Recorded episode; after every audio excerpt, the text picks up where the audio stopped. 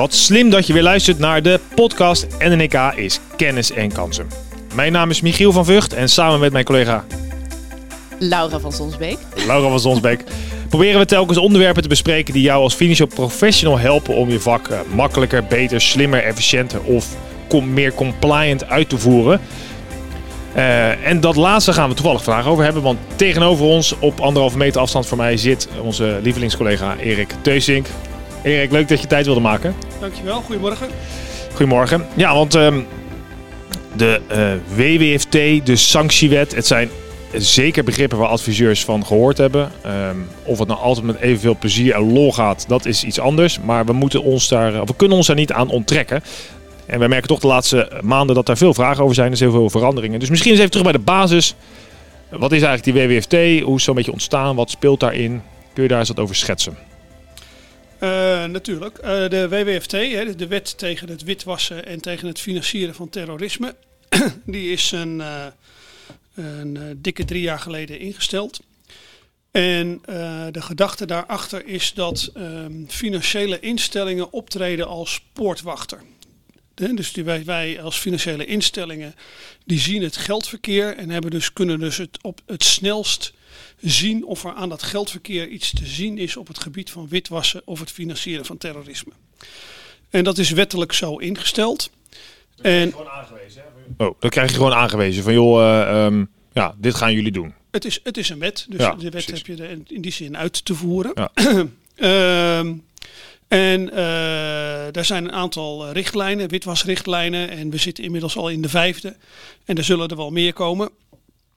Ehm, en daar moet je dus als, eh, als instelling moet je, eh, ja, dus uitvoering geven aan die wet. En wat het lastig maakt in die wet is dat die eh norm-based is, zal ik maar zeggen.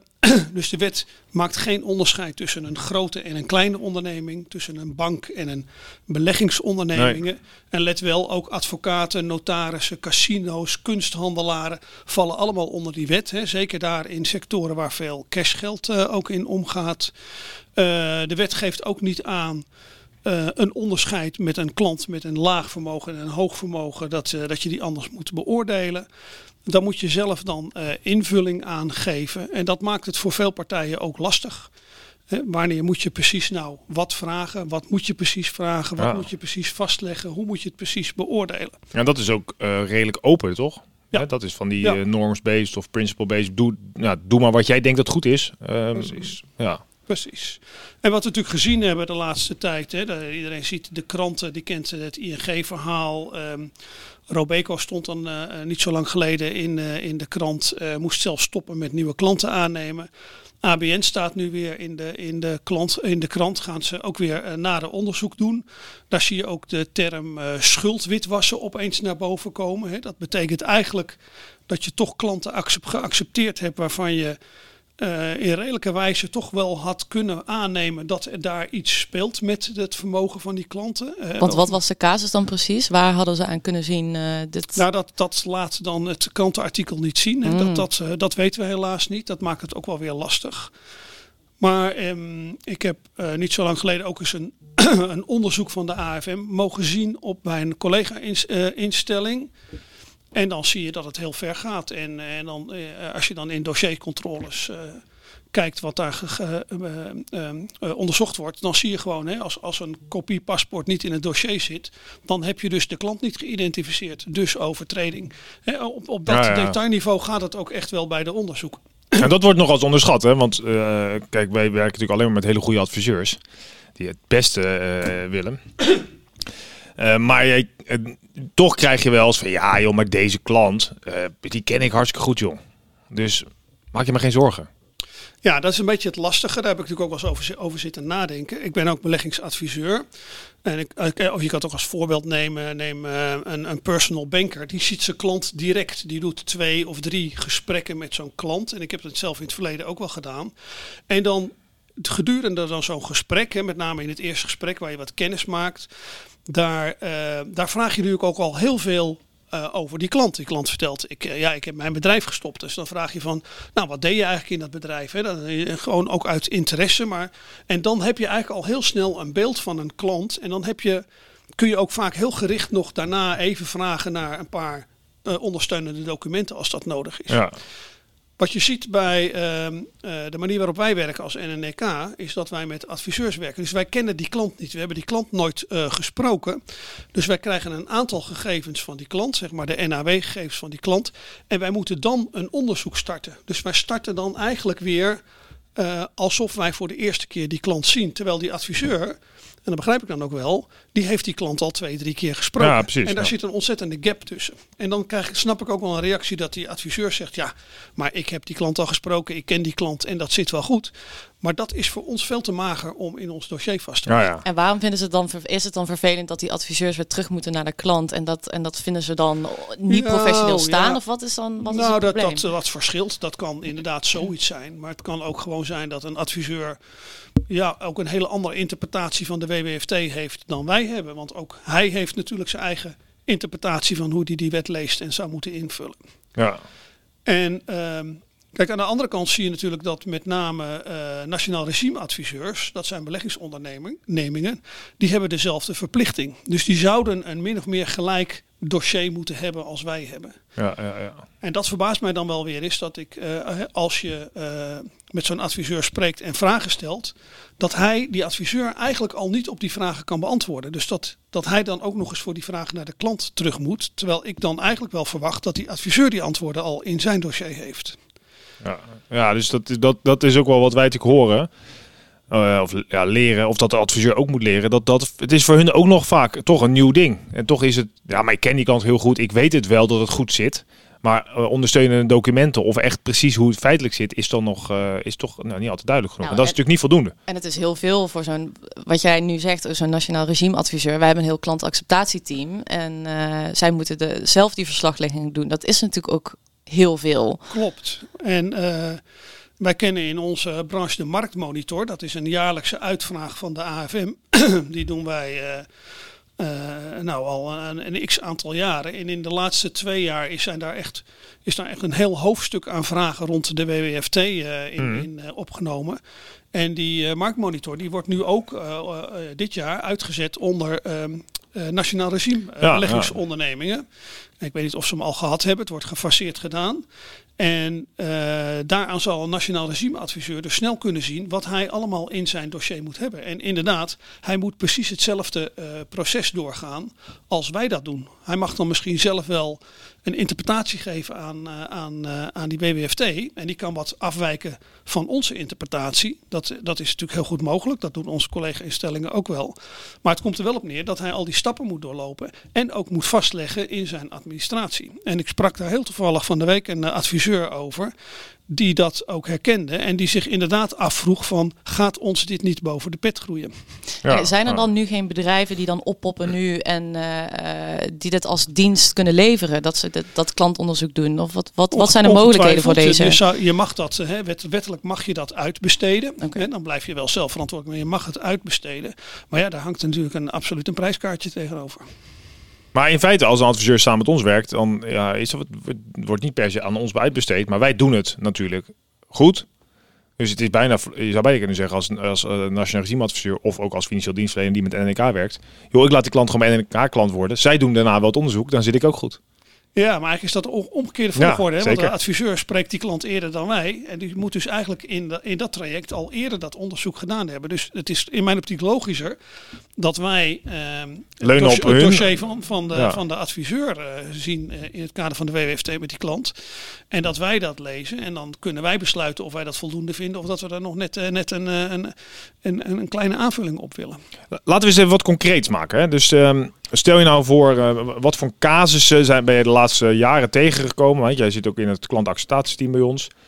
Waarbij, eh, waarbij je op papier denkt, ja, dit is een vrij makkelijke, hè, is niet zo raar. Eh, maar dan gaan we toch vragen stellen en dan krijgen we daar nog wel eens. wat- Ik heb wel eens die casus dat je denkt, ja, realiseer dat we dit gewoon door, dat we dit moeten uitvragen. Ja, nou, laat, ik, hè, wij zijn continu bezig om, om op basis van de ervaringen die we te hebben, om te kijken van wat vragen wij? Vragen wij te veel? Vragen we te weinig? Hè? Je wil eigenlijk precies die balans hebben dat, eh, dat de toezichthouder tevreden is en dat je ook niet overvraagt. Daar ben je op, naar op zoek. Ehm, en het lastige is dat het uiteindelijk maatwerk per dossier is. Je kan niet eh, zeg maar een, een generieke set vragen hebben die compleet dekkend is voor alle, ehm, eh, alle klanten. Ehm, we proberen dat wel. Hè. We hebben wat, wat, wat, wat matrixachtige modellen.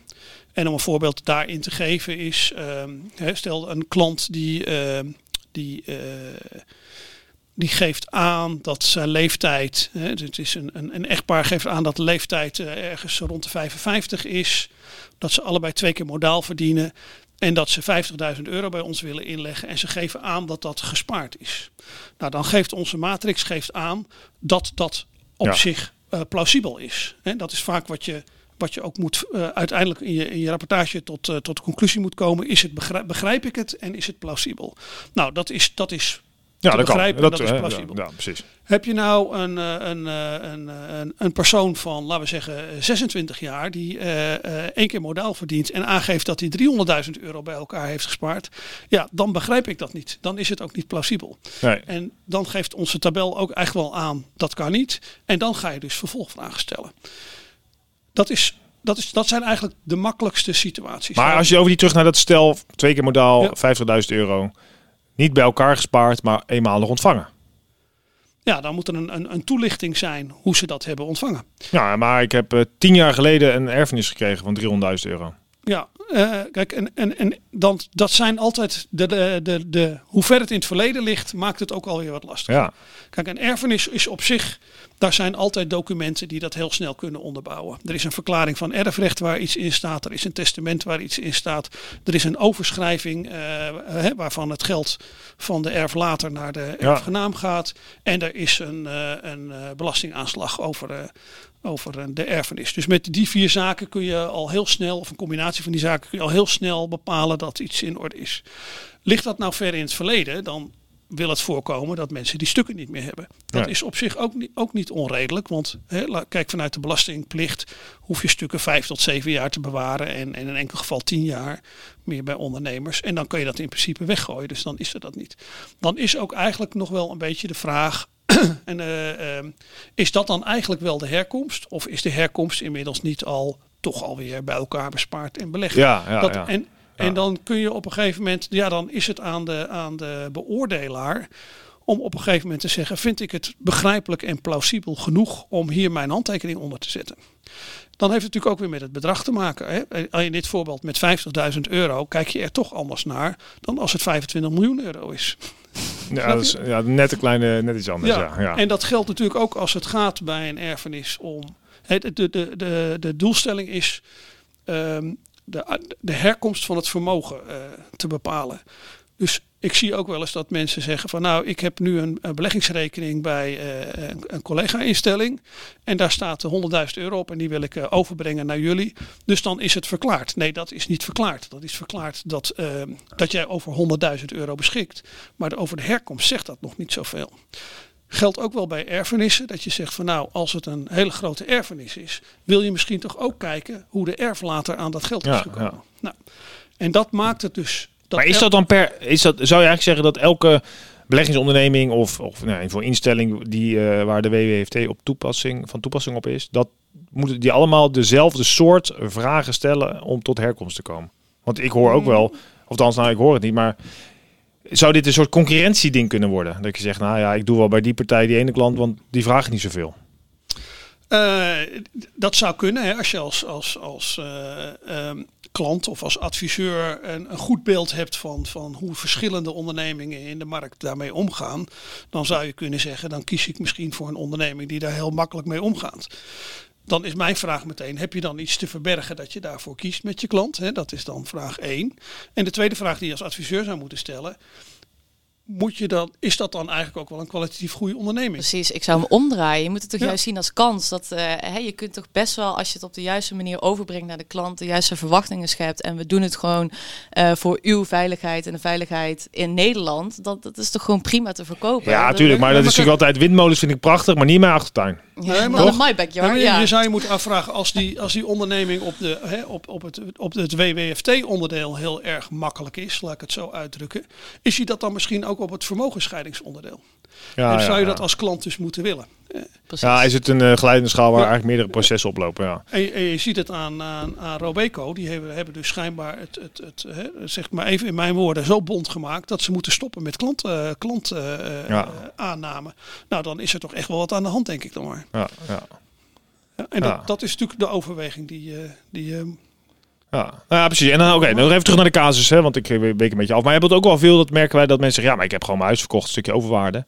Ehm, eh, hoe moeilijk is het? Weet je wel? Dat is ook niet moeilijk, want dan heb je, als jij je huis verkoopt, heb je een afrekening van de notaris. Daar staat dan eh, op waarvoor het huis verkocht is. Pardon, hoeveel ehm, hypotheek je hebt en wat er netto overblijft.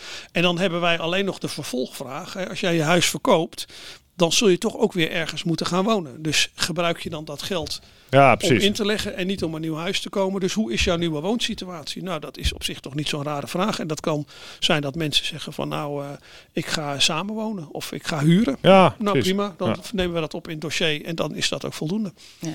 Jullie hebben het in ieder geval gevraagd. En je had verder ook nog een casus met, met die voorletters. Ja, wat wij natuurlijk heel veel zien is, ehm, eh, dat heeft niet zozeer met, eh, met de herkomst van het vermogen te maken, maar met het identificeren en het verifiëren van de klant.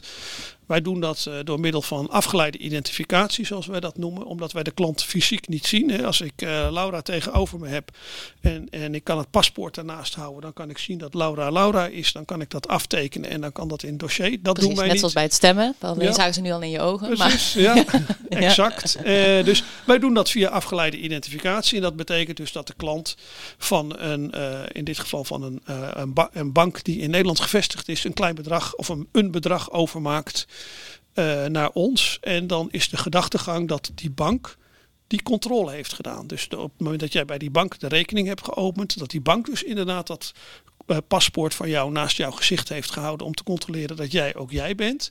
Daar mogen we dan op vertrouwen. En dan is wel de voorwaarde dat die, die tenaamstelling eh, exact overeenkomt. En dat is op zich dan natuurlijk ook wel logisch, want dat is dus nog het, het, enige waarop wij dat kunnen controleren. Nou, en exact is echt exact, hè? En Want exact is echt exact. Ja, dat betekent dat alle voorletters erop moeten staan en et cetera, et ja, cetera. in mijn geval is dat LMC. Maar als er eh, eh, LC staat, dan eh, Ja. is het een no-go. Ja, en dat komen we nog wel eens tegen. en dan verwijzen wij de klant terug naar de bank. En eh, dan, zou, dan is er namelijk, hè, als op het paspoort staat eh, LMC, zei je, dan zijn dat jouw voorletters. En als dus bij de bank alleen maar een L of LBC staat, dan sta jij dus niet bij de bank goed eh, geadministreerd. Die bank heeft daar ook een belang bij. Dus wij sturen de klant ook terug naar de bank. Hè. Dus we vragen althans, ga- loop even terug naar jouw bank. Eh, en banken zijn daar op zich ook blij mee, want dan kunnen zij het ook goed in hun administratie eh, aanpassen. Ja. Want in feite zitten zij daar dus ook niet goed. En dat doen ze ook, ook ter plekke. En waar we dat laatst als voorbeeldje ook zagen, is dat eh, bij sommige banken eh, eh, minderjarigen nog wel eens de rekening op de voornaam kregen. Hè? Een pennyrekening of weet al die, al die Ja. rekeningen. En daar staat er gewoon als naam Michiel van Vught. Ehm, en op het moment, hè, en, maar in het paspoort, op het moment dat Michiel dan 18 wordt en zijn paspoort laat zien, dan staat er M van Vught. En dat is dus hoe wij hem opnemen in de administratie. En dan zal de eerste, dan zal de eerste inleg zal ook van een rekening van M van Vught moeten komen. En dan zie je nog wel eens dat bij banken er nog steeds Michiel staat. En dat zie je heel vaak als de minderjarige nog maar net meerderjarig Ja, precies, is. nog niet zelfs in het eerste half jaar. Want Ja. Die bank moet dan ook die minderjarige uitnodigen. Kom even langs met je paspoort. Want dan identificeren we jou even opnieuw. En dan passen ze dat ook meteen aan. Dus ook hier in zo'n geval geldt als die minderjarige even langs die bank. Of die dan meerderjarige even langs de bank loopt. En even dat laat zien. Corrigeren ze dat ter plekke. En dan eh, bij wijze van spreken als die s'avonds het, het geld overmaakt. Staat het ook goed. Ja, ja, ja. En dat klinkt dan flauw. Want Precies, want dat is het natuurlijk, Ja, joh, gezeik, man, weet paarse wel dat, krokodillen. eh, Michiel, eh, dat die M van Michiel is, dat is toch wel logisch. En dat is op zich is dat ook wel logisch. Maar dan ga je dus aannames doen. En dat is dus precies wat je in, eh, bij een, CDD-analyst moet dus vooral nooit aan aanname gaan doen. Want dan, dat, Ja, is, dat ja. is juist niet goed. Hè? Je moet een objectief eh, rapport kunnen maken. Ja. En de mensen die in ons CAT-team zitten, dat, zo groot is het CAT-team ook niet, maar die hebben een, eh, echt een CDD-analisten training, een meerdaagse training gedaan. Dus die hebben ook een, zijn ook officieel ook CDD-analyst. En dat is een, ik heb hem ook gedaan en dat is een van de dingen die je daar meteen hoort en gedurende die training continu hoort. Doe geen aannames. En Ja. hoe gaat zo'n zo'n cursus dan? Dan moeten jullie daadwerkelijk klanten opzoeken? Of wat, wat voor, dan krijgen jullie casussen? Nou, het aardige van die cursus is dat die gegeven wordt door mensen uit de praktijk. Eh, in dit geval eh, waren het mensen uit de bankenwereld. Dus eh, ja, mensen die leiding geven aan de afdelingen. Het zijn natuurlijk meteen grote afdelingen daar, witwassen bij, bij banken. Dus het was ook zeer bankgeoriënteerd uiteindelijk. En dan merk ik wel dat ik blij ben dat ik bij een beleggingsonderneming werk. Want dat maakt het leven wel wat simpeler als CDD-analyst. Ehm, ja, en die laten natuurlijk heel veel praktijkvoorbeelden zien. En dat is op zich, zitten daar echt heel veel eh, eye-openers in. Om een aardig voorbeeldje te geven. eh, eh, ehm, eh, je hebt een klant die is een eh, een in Nederland wonende klant. Dat is een, een auto-importeur. Die haalt auto's uit Amerika, met name pick-ups. Je, kent ze wel van die Ford pick-ups en die, en die dingen. Die haalt ze naar Nederland en die, die knapt ze wat op. En die, die verkoopt ze met name aan het Oostblok. En dan is meteen de gedachte daarachter, je moet dan nadenken wat er met die auto's gebeurt. Want als ik je nou vertel dat je dit soort auto's ook heel veel in Syrië ziet rijden, maar dan met een machinegeweer achterop, dan weet je opeens dat dit te maken zou kunnen hebben met terrorisme. Nou, en die, Oh. die gedachtegangen, Ah. die, eh, ja, die komen wij hier niet tegen. Gelukkig maar, denk ik dan maar. Maar dat zie je natuurlijk in dat, in dat geldverkeer en dat in, met name in dat internationale geldverkeer, zie je dat veel meer. Nou, en, en op die manier wordt er naar gekeken. Moet zo'n CAT-team zelf dat soort verbanden leggen? Ja. Is dat Ja. zo? Ja, dus daar moet je dus dan ook echt naar vragen van, hè, eh, ken jij, beste autohandelaar, ken jij ook de mensen met wie je nou echt daadwerkelijk handelt daar in, eh, in Polen of in, eh, in de Oekraïne? En weet je wat die daarmee doen? En dat soort zaken. En dan zie je ook, als je dan, hè, dan kom je op transactiemonitoring, dat doen wij ook. Dus dat als je eenmaal klant bent, dan blijf je ook monitoren wat gebeurt er op die rekeningen. En dan zie je natuurlijk bij, bij banken gebeurt er heel veel op dat geldverkeer. En dan wordt er echt, echt gekeken naar afwijkende eh, mutaties. Nou ja, maar stel is ook een goeie. Stel iemand bij ons die opent een rekening en zegt ik ga 100 euro per maand eh, eh, sparen en ik Ja. ben 30 en ik verdien geld. Nou, dat lijkt me een, no, eh, een eh, go. Weet je, niet zo moeilijk. Een groen vinkje. Ja. Maar die doet dat drie maandjes netjes 100 euro en die stort in één keer eh, 240.000 euro bij. Ja. Wat doen we dan? Op, op dat moment dan, eh, dan zal er bij ons dus het, het, het systeem een signaal geven. En dan zullen we dus eh, kijken. Hey, wa- wat je verplicht bent is om een transactieprofiel van je klant te maken. dus van elke klant moet je een verwacht transactieprofiel hebben. En dus je moet dus eigenlijk continu controleren of de transacties binnen dat transactieprofiel passen. Nou, als jij iemand hebt eh, geaccepteerd die zegt ik ga 100 euro per maand eh, storten. En die stort opeens 240.000 euro. Dan past dat niet in het ja, ja. transactieprofiel wat je op dat moment opgesteld hebt.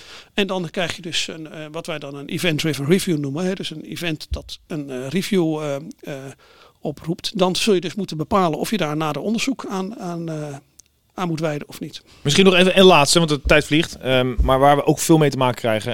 Wij zien natuurlijk heel veel pensioenrekeningen. Althans, dat zijn lijfrente, met name opbouw. Eh, en daar zien we ook nog vaak. eh, kijk, die, die normale lijfrente opbouw met de jaarruimte, dat gaat vaak wel goed. Hè? Mensen gaan storten 500 euro per maand. Dat gaat wel redelijk makkelijk doorheen. Maar we zien ook heel veel waardeoverdracht. En Ja. dat zijn natuurlijk vaak forse bedragen. Ja. Hoe, hoe gaat het dan? Dan passen wij de, dezelfde systematiek toe die wij het ook bij het sparen doen. Hè, dus dus eh, wat je schetst bij een waardeopbouw. En iemand stort dan ook 250 of 100 euro per maand of wat dan ook. Dat past natuurlijk altijd wel binnen zijn, eh, binnen zijn ja, eh, leeftijd en inkomen. Ja. Ehm, als je een, een, een, een lijfrente hebt opgebouwd, dan ben je over het algemeen ook wat ouder. Het lijkt mij niet heel erg makkelijk om op je 4, 25ste al een lijfrente van een ton te hebben opgebouwd. Nee, lijkt me ook sterk. Ja. Dus vaak zie je dat dat dan ook wel in die tabel ehm, eh, goed gaat. Omdat er dan ook weer een combinatie met leeftijd is en inkomen. Ja. En, ehm, en hier, hier hoor ik ook wel eens van, ja, hè, dit komt toch van, van de Egons en van de ASR's en noem het maar allemaal op. Maar het, het, ehm, het blijft zo dat je zelf verantwoordelijk bent om dat, dat herkomst van dat vermogen eh, vast te stellen. Je mag niet leunen. Ik kan geen afgeleide van- WWFT nee, Maar je mag nee. niet leunen, je bent er zelf op verantwoordelijk voor. Ja, ja. Alright. Ja. Jij nog iets willen? Nee, ik zat alleen te denken, misschien voor de luisteraars, die, eh, er zullen vast wel adviseurs zijn die juist eh, eh, heel goed willen meewerken in dit Ja. proces. Is er iets waar, waardoor ze zich kunnen voorbereiden samen met de klant, waardoor misschien de aanvraag wat, wat, wat sneller of wat soepeler verloopt? Nee, dat denk ik niet. Je moet ook oppassen dat, uh, dat je als adviseur ons niet hè, uh, goed bedoeld van alles al gaat toesturen. Want dan krijgen wij natuurlijk ook allemaal stukken waar wij eigenlijk, die we eigenlijk niet nodig hebben. En dan kom je alweer heel gauw met, uh, met AVG-problematiek in de, in de, dat is waar. In de war. dus daar zou ik wat voorzichtig mee zijn. Wij, wij gaan in de komende periode wel weer evalueren van moeten wij onze vraagstelling weer wat bijstellen. Zouden wij misschien ook in de online boarding al wat extra uh, dingen kunnen vragen. Daar gaan we naar kijken. En uh, wat ik toevallig vanochtend hoorde, en daar moet ik even een beetje mee spieken, is dat um, het ministerie van Financiële Zaken, die heeft drie jaar geleden aangekondigd dat ze uh, op, vanaf dat moment over drie jaar dus de WWFT willen evalueren. En dat betekent dat er de komende dagen volgens mij al heel breed onderzoek wordt uitgezet onder alle ondernemingen die onder de WWFT vallen. Om een uitgebreide vragenlijst in te gaan vullen. Dat wordt gedaan door Ernst Jong. Om op basis daarvan weer eens een evaluatie te doen van die WWFT. Waarin ook gekeken wordt, als ik het goed begrijp, van waar lopen specifieke sectoren nou tegenaan. Want je kan begrijpen dat een kunsthandelaar tegen andere problematieken aanloopt binnen de WWFT dan een bank of een beleggingsonderneming. En wellicht dat dat straks ook wat meer, uh, ja, toch wat meer bijstelling geeft, waar we allemaal weer wat beter en makkelijker met die WWFT om kunnen gaan. Ja. Mooi. Mooi bericht. Nou, uh, is mij helder. Mocht je hier nou vragen over hebben, stuur vooral een berichtje naar accountteam.nnk.nl. Het is wel goed om te melden dat wij een Chinese muur hebben bijna tussen het ACAT-team bij ons uh, en de commerciële voordeur. Dus uh, je kan maar mij, Laura of onze collega's natuurlijk bellen. Van, ja, hoe zit dit en helpen? Druk hem er even doorheen. Nou, zo werkt het dus niet. Uh, het compliance en CAT-team hebben een eigen verantwoordelijkheid erin. En staan eigenlijk helemaal los in de organisatie. Dat is heel goed om te weten. Maar we denken natuurlijk graag mee. Kijk op nnkkennis.nl voor meer, voor meer informatie. Daar heb ik een heel mooi document gemaakt door Laura en Erik over hoe wij de WWFT implementeren. absoluut nooit compleet, want dat kan niet. Maar geeft wel een heel goed beeld. Erik, onwijs bedankt dat je je bijdrage wilde leveren weer. Ja, graag gedaan. Helder. Lau, ook top dat je er weer ja, was. Ja, dank je. Ik vond het nuttig. Ja, ook, eh, vond ik ook. Uh, nogmaals dank voor het luisteren. Uh, wij zijn er snel weer met een nieuwe podcast. Volgende maand namelijk gaat die over klantgedrag. Nou, ik zou zeggen. Of niet? Wel joh. Ja, zeker. Ja, zeker. Oké, okay, top. Nou, wordt een leuke aflevering ook. We hebben een hele leuke gast. Dus, tot volgende maand. Doei.